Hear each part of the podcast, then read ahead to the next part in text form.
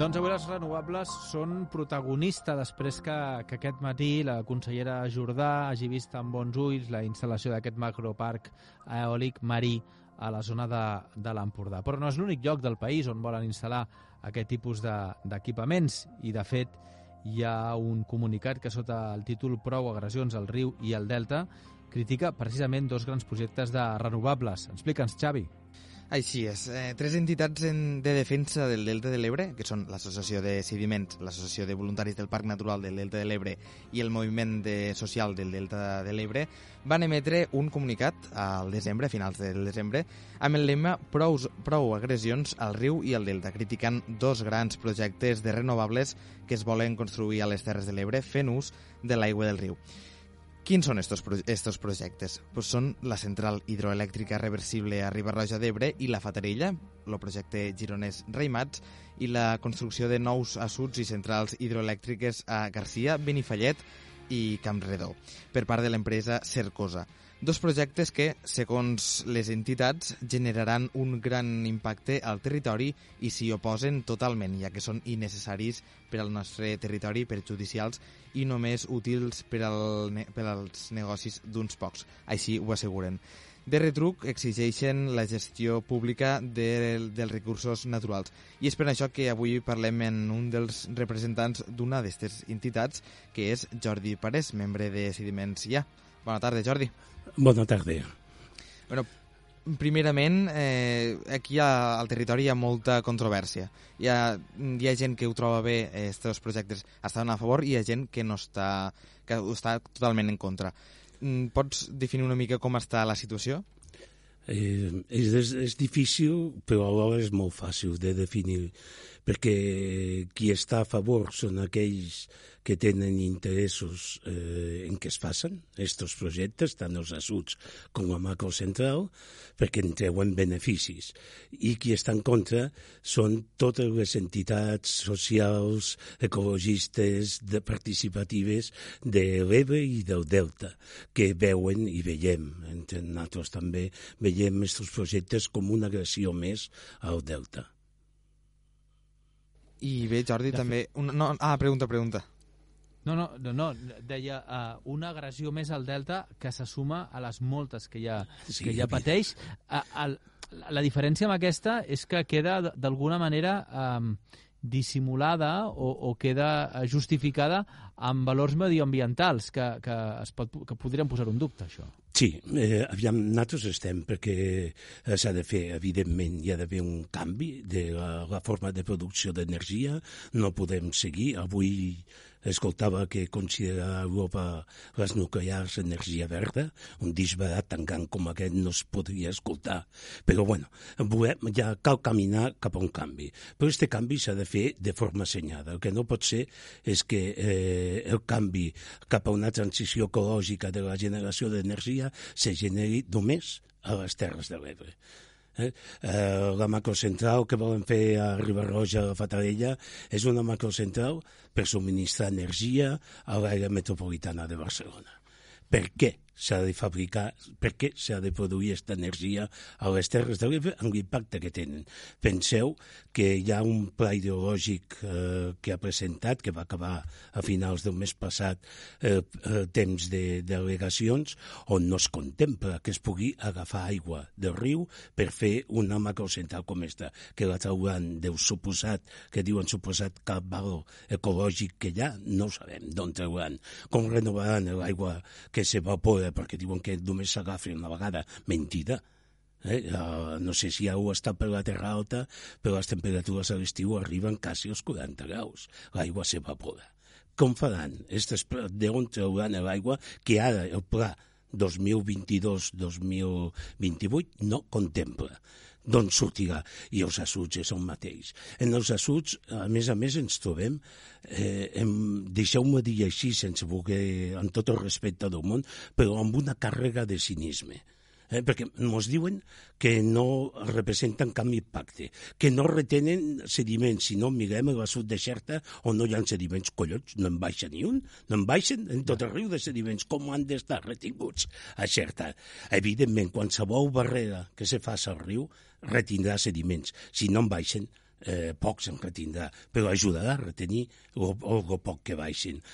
Nos, nos parlen tant uns com els altres de llocs de treball. Llocs de treball que és cert, la construcció de tres assuts, la construcció de la macrocentral eh, necessitarà mà d'obra. Mà d'obra possiblement poc qualificada, barata i efímera perquè després desapareix i la sud només cal veure, la sud deserta, hi han dues persones treballant eh, doncs contemplem que es crearan sis llocs de treball en els assuts i pocs més en una macrocentral que estarà totalment tecnificada i automatitzada. Eh, no ens posen caramelos a la boca que després mm, que són falsos, que, no, que de cap manera se poden menjar. Eh, estem pel canvi cal avançar cap a un canvi. Però jo sempre he proposat, se m'acut una cosa, des de dir, si només els polígons industrials que hi ha al Baix Llobregat, al, als dos Vallès, al Barcelonès i al Maresme, en aquests polígons se fessin plaques fotovoltaiques, possiblement se produiria la mateixa energia que produirà la central de la Fatarella, de Ribarroja a la Fatarella, amb una diferència. No faran negoci, perquè no s'hauran de crear eh, línies per transportar aquesta energia cap a, cap a l'àrea metropolitana, poder volen justificar les mat que, que han d'arribar de l'Aragó, que puguen passar per la nostra terra, com havien dit que volien fer, eh, bueno, doncs mm. algú s'enriqueix d'esta manera. Algú s'enriqueix i s'enriqueix massa. I per ella és hora de que posem les coses a lloc. Prou, prou. I quina Clar. casualitat, hi ha una empresa, no diré el nom, però hi ha una empresa que tots coneixem, que està detrás de totes aquestes hidroelèctriques. A veure, ara és que se m'acudeixen algunes. No diràs no. el nom, no? No, vale. sí, home, si Endesa té, ja t'ho dic. Ah, ostres, és la que tenia jo al cap. és la que és tenies al cap. Mira, et anava a dir, comença per End i acaba per Endesa, saps? Ah. Uh, vale, molt bé. Escolta'm una cosa. Hi ha una, una, de tot el que has dit, que has dit molt, eh, molt, i, i que uh, ens podíem anar aturant amb moltes de les coses que has dit, però deixa'm que em remunti al principi de, de, de tota aquesta explicació que ens has fet i que coincideix molt amb la reivindicació també de l'Empordà. És a dir, una de les coses que més us, us indigna, ja més enllà de l'agressió la, al territori, que també, i de tot el que significa, és que s'us utilitzi com a reservori energètic o com a àrea de producció energètica per l'àrea metropolitana de Barcelona. És a dir, que eh, allò que es consumeix al centre del país s'hagi de produir a molts centenars de quilòmetres de distància. Sí, sí, sí, veritablement és indignant, és indignant i no té sentit, que a més a més seguint mm, pensant això, que si volem avançar de veritat, eh, de veritat a una transició ecològica, no té sentit produir l'energia a 300 quilòmetres d'on se consumeix. No té cap sentit, s'ha de produir en el lloc on se consumeix per evitar precisament l'impacte que tenen aquestes línies de molt alta tensió que, que trinxen els territoris. És, no té, no té massa sentit. I penseu que les Terres de l'Ebre ens hem convertit eh, en els parcs eòlics, igual que l'Empordà. L'Empordà és tan igual que nosaltres en això.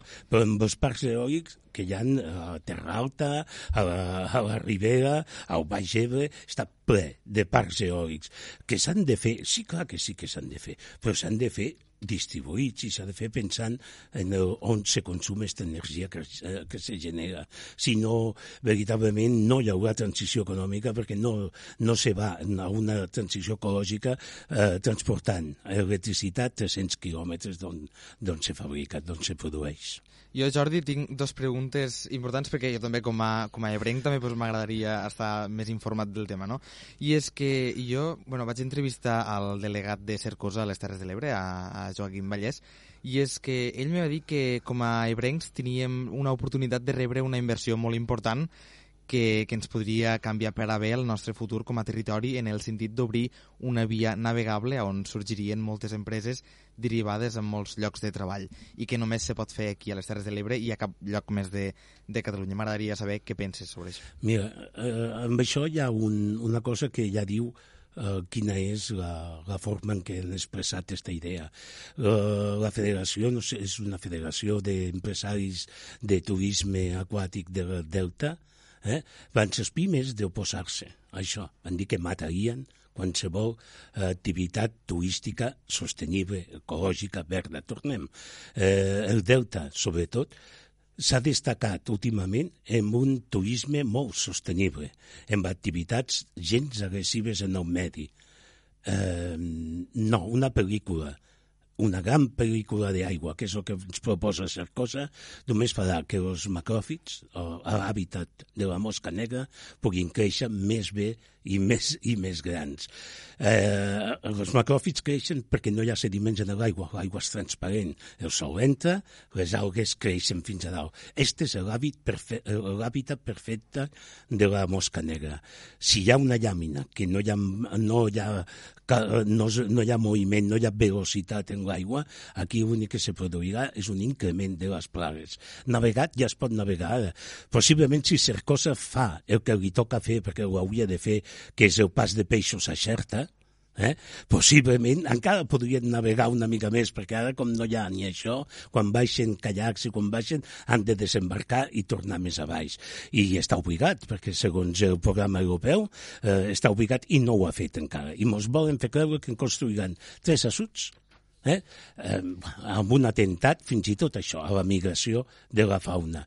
No, no hi haurà una gran pel·lícula navegable, serà un gran criador de la mosca negra. I una altra cosa és que, bueno, jo li vaig preguntar també per, per esta oposició que hi havia per la construcció d'estos tres assuts a Garcia, Benifallet i Tortosa. I ell me va dir que volia fer una petita reflexió i és que me va dir que s'havia de diferenciar entre preses i assuts fluents. Va dir que les preses tenen la capacitat de retenir l'aigua, com és el cas de Mequinensa, però els assuts fluents no tenen aquesta capacitat, eh, que és l'exemple de l'assut de Xerta fet que fa molts anys i que permet, entre d'altres, el regadiu i el creixement econòmic del delta. També permet generar electricitat, navegar perfectament aigües amunt, eh, i etc. Els assuts fluents que plantegen, diuen, no tenen, re, no tenen aquesta capacitat de retenció d'aigua ni de sediments i que són, com ha dit abans, assuts, assuts fluents on l'aigua i els sediments circulen i no retenen, com és el cas d'aquestes preses ell m'ha dit que me va dir que creia molt que és, que és, molt, és molt important explicar i entendre bé estos dos sistemes. Sí, és cert, el que diu és cert. Eh, una sud no és una presa, per tant no reté l'aigua, i això és cert, això és incontestable, no ho podem discutir.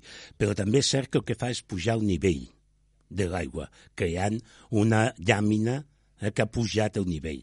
L'aigua baixarà a menys velocitat, saltarà a sud i seguirà circulant. Però ha creat aquest efecte de llàmina d'aigua i ha pujat. Eh, el, el geòleg de Tortosa d'Assa feia un estudi on feia, jo vaig veure ràpidament l'altre dia, feia uns números i deia que la llàmina, si venen avingudes del riu com les que hi ha hagut eh, periòdicament i a Tortosa hi ha aquesta llàmina d'aigua alta, podria representar que a 200 metres que hi ha pàrquings subterranis eh, s'inundessin d'aigua. Eh? Això és el que generaria, que el que fa, esto és pujar tot el nivell del riu. El puja i genera i deixa passar, és fluent, evidentment el riu flueix, flueix a una velocitat mínima, eh, molt, molt lentament, però flueix. I evidentment, de sediments ne reté. Eh? A Xerta només cal anar a Benifallet, allà estan els sediments que va retenint. Els sediments no es queden a la paret, es van depositant a mida que l'aigua perd la velocitat. Això passaria igualment. El que passa és que se nota poc, evident, perquè no en baixen Eh? El 95 al 99% de sediments estan retinguts a Mequinensa i a Ribarroja, sobretot. Llavors no en baixen i es nota poc, però de retir-ne en retenen no hi ha dubte. I només cal anar a, l'entrada de Benifallet i veure allà on estan els sediments que va depositant l'aigua al, al trobar-se sud de Xerta. Deixi'm uh, posar-me a la pell de, a la, a la pell de, mira, de, de, de, de l'empresa aquesta que deia vostè fa, fa una estona. Va, va i, i deixa'm, que, deixa'm que et pregunta, Jordi. Uh, escolta'm, uh, clar, per exemple, avui mateix la Unió Europea, uh, la Comissió Europea, eh, uh, ha proposat que l'energia nuclear i l'energia feta amb gas siguin considerades energies verdes durant el període de transició. Uh, uh, ahir o abans d'ahir la Generalitat es mostrava preocupada perquè Catalunya resulta que no genera mm, l'electricitat que consumeix, és a dir, necessita generar encara uh, més electricitat. I és evident que necessitem generar electricitat. Uh, si no volem els molins, ni al mar ni a la terra, si no volem uh, les centrals que es fan als rius, si no volem uh, les crestes de les muntanyes uh, o, als, o a les valls uh, plaques fotovoltaiques, com generem aquesta electricitat? Eh, jo ja he donat una idea, però de totes maneres no és una oposició que no hi hagi, que no es fabriqui energia eòlica. El que diem és que en tot cas s'ha de repartir i s'ha de distribuir en tot el territori de Catalunya eh, la generació d'esta energia, perquè hi ha, més, ha molts més llocs on bufa el vent eh, tan fort com bufa aquí i a l'Empordà. Aquí tenim el vent de dalt i ells allà tenen l'altra muntana i amb aquesta excusa nos, nos fan generar tota l'energia eòlica. Se pot repartir més i es pot fer, però clar que s'ha de tenir molins. I després jo deia, només que eh, els polígons, els grans polígons industrials que hi ha a l'àrea metropolitana de Barcelona es fessin plaques fotovoltaiques en tots els terrats que hi ha, se generaria prou electricitat, possiblement, no sóc tècnic ni enginyer, però se generaria prou electricitat per suplir la que no es, la que no es construeix en tres assuts i una, i una central a Riba-roja penso que, que aquesta és l'alternativa de produir l'energia allà on s'ha de consumir, allà on, on se, se necessita. No la necessitem. Les Terres d'Ebre anem sobrats d'energia elèctrica. Ens sobra per tot, arreu, per tot arreu. A més a més, per sort, molts veïns, jo en soc un d'ells, que ens hem posat eh, les plaques fotovoltaiques d'autoconsum mm -hmm. eh, per avançar cap a aquesta transició. Aquí tenim sol mm, eh, tot dia. De, a l'estiu, 20 hores diàries de sol, quasi. Vull dir que és, tenim mm, una gran capacitat de generació. Anem sobrats d'energia. On la necessiten és l'àrea metropolitana. Mirem com es pot generar l'àrea metropolitana. Jo ja llenço una idea, eh? que s'obliga, de veritat, a totes les noves construccions a, que, a ser autosuficients amb l'energia que es construeixin en els polígons industrials. Hi ha moltes alternatives. Deixi'm constatar un fet, i és que eh, mentre nosaltres estem generant aquest debat i mentre nosaltres estem mm, d'alguna manera proposant des de la seva, des de la seva plataforma, des de les plataformes que vostè representa avui aquí, les que hi ha al territori, oposant-nos en aquest model que realment no volem, mentre, volem, mentre estem fent això, eh, s'han allargat la vida de les nuclears, avui ja es donava l'energia nuclear com una energia verda perquè es pugui, perquè es pugui mantenir. Pregunto, creu que s'està instrumentalitzant tot aquest moviment social eh, en, en favor de l'allargament de la vida de les energies fòssils i nuclears? No, jo crec que no, que no pot fer-se, no es pot instrumentalitzar. Nosaltres estem aquí, estarem, seguirem estant, i penso que hem de seguir avançant.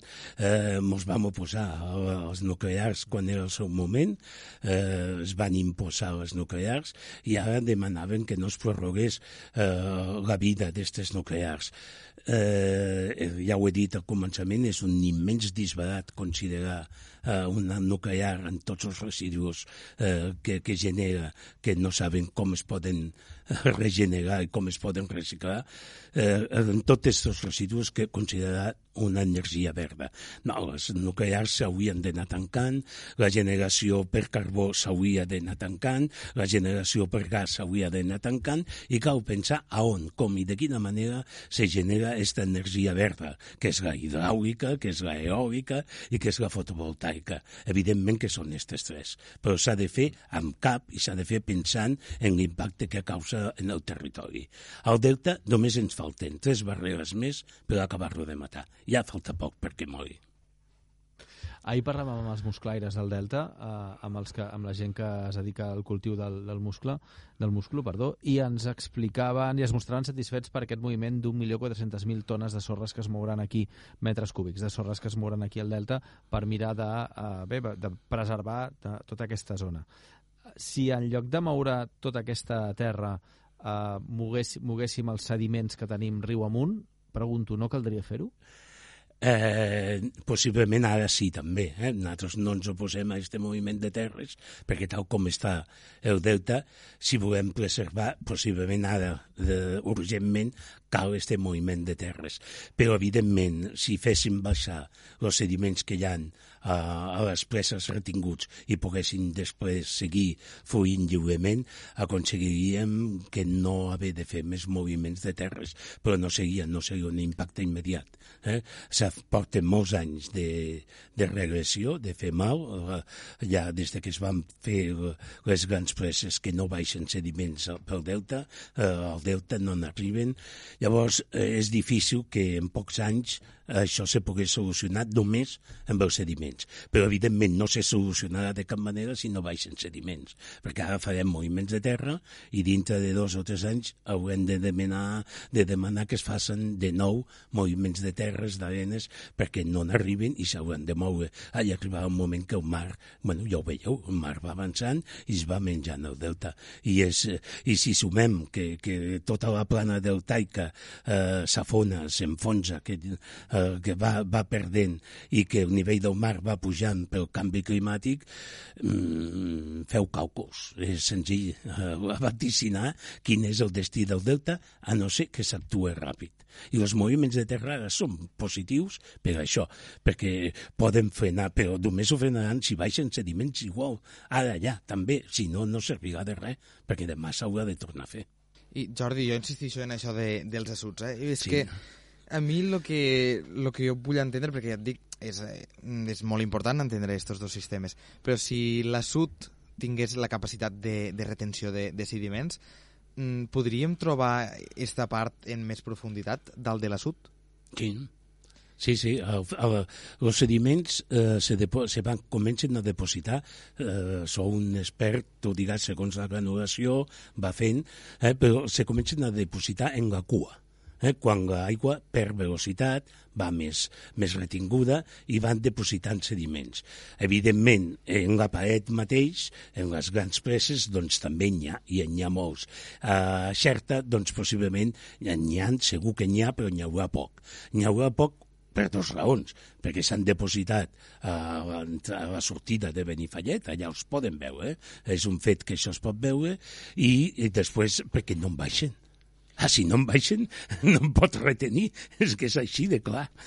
Claro, però és que quan se fa una obra tan gran com aquesta s'han de, de ponderar una mica els efectes positius i negatius que, que pot tenir aquesta obra.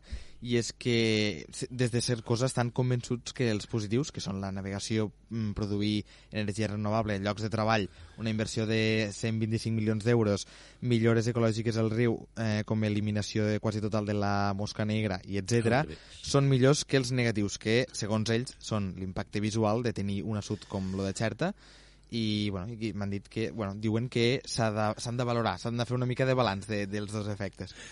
Eh, mira, no val la pena fer un comentari eh, de, de Sarkozy, jo ho entenc. És que, a més a més, eh, el que admiro, eh, perquè ho admiro, de Sarkozy, és que una empresa privada ha aconseguit generar un debat a, a les Terres de l'Ebre que no s'havia generat per uns interessos privats que no per interessos públics, perquè a mi que, ha, que la taula del consens del Delta generi debat me pareix fenomenal, perquè és el que necessitem, que es pugui parlar, que es pugui...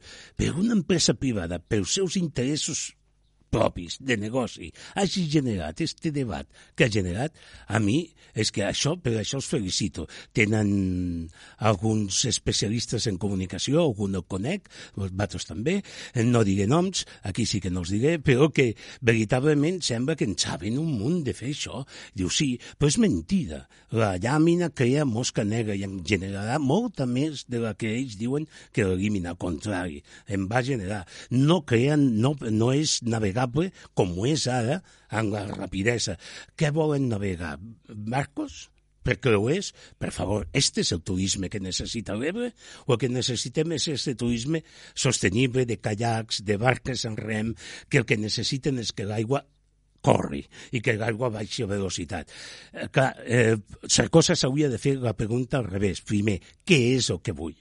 I ells volen negoci, només negoci. I no els importa. Llavors ens venen una pel·lícula i ens venen tota una sèrie de millores. No, no n'hi ha ni una de millora. En tot cas, eh, Jordi, serà una de les qüestions que, evidentment, no podem deixar de mirar, que seguirem des d'aquí, des de la ràdio, des del FAR, i que esperem que es resolgui ben aviat, ja no només pel bé de les Terres de l'Ebre, que, evidentment, eh, primer pel bé de les Terres de l'Ebre, però també pel bé del país, eh, que al cap i a la fi les Terres de l'Ebre són també una part del, del país. T'agraeixo molt que ens hagis acompanyat. Home, de vegades sembla que no ho sigueu, ja t'ho dic. Eh? És a dir, de vegades, segons quin, escoltant segons quins discursos, no, no ho diries pas, però, però malgrat alguns els hi peso, ho sou. Ho eh? som. I, i, això és important que ho tinguem tots clar. Jordi, bona feina, moltíssimes gràcies i, i ja ho saps, això és casa teva. A vosaltres per deixar-nos expressar i donar opinió i sempre que vulgueu a disposició. Igualment, Jordi Parés és membre sostenible de, de Sediments...